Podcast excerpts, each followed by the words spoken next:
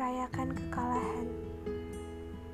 Semesta, boleh aku merayakan patah hati untuk hari ini saja. Setelah itu, aku akan coba lepaskan dan jauhkan.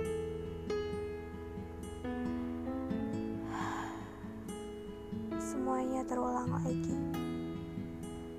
Menjadi seseorang yang dekat dengan semua orang itu adalah jebakan yang paling menyakitkan. Mungkin sudah berjuta kali kau ingatkan, tapi tetap saja aku melakukannya.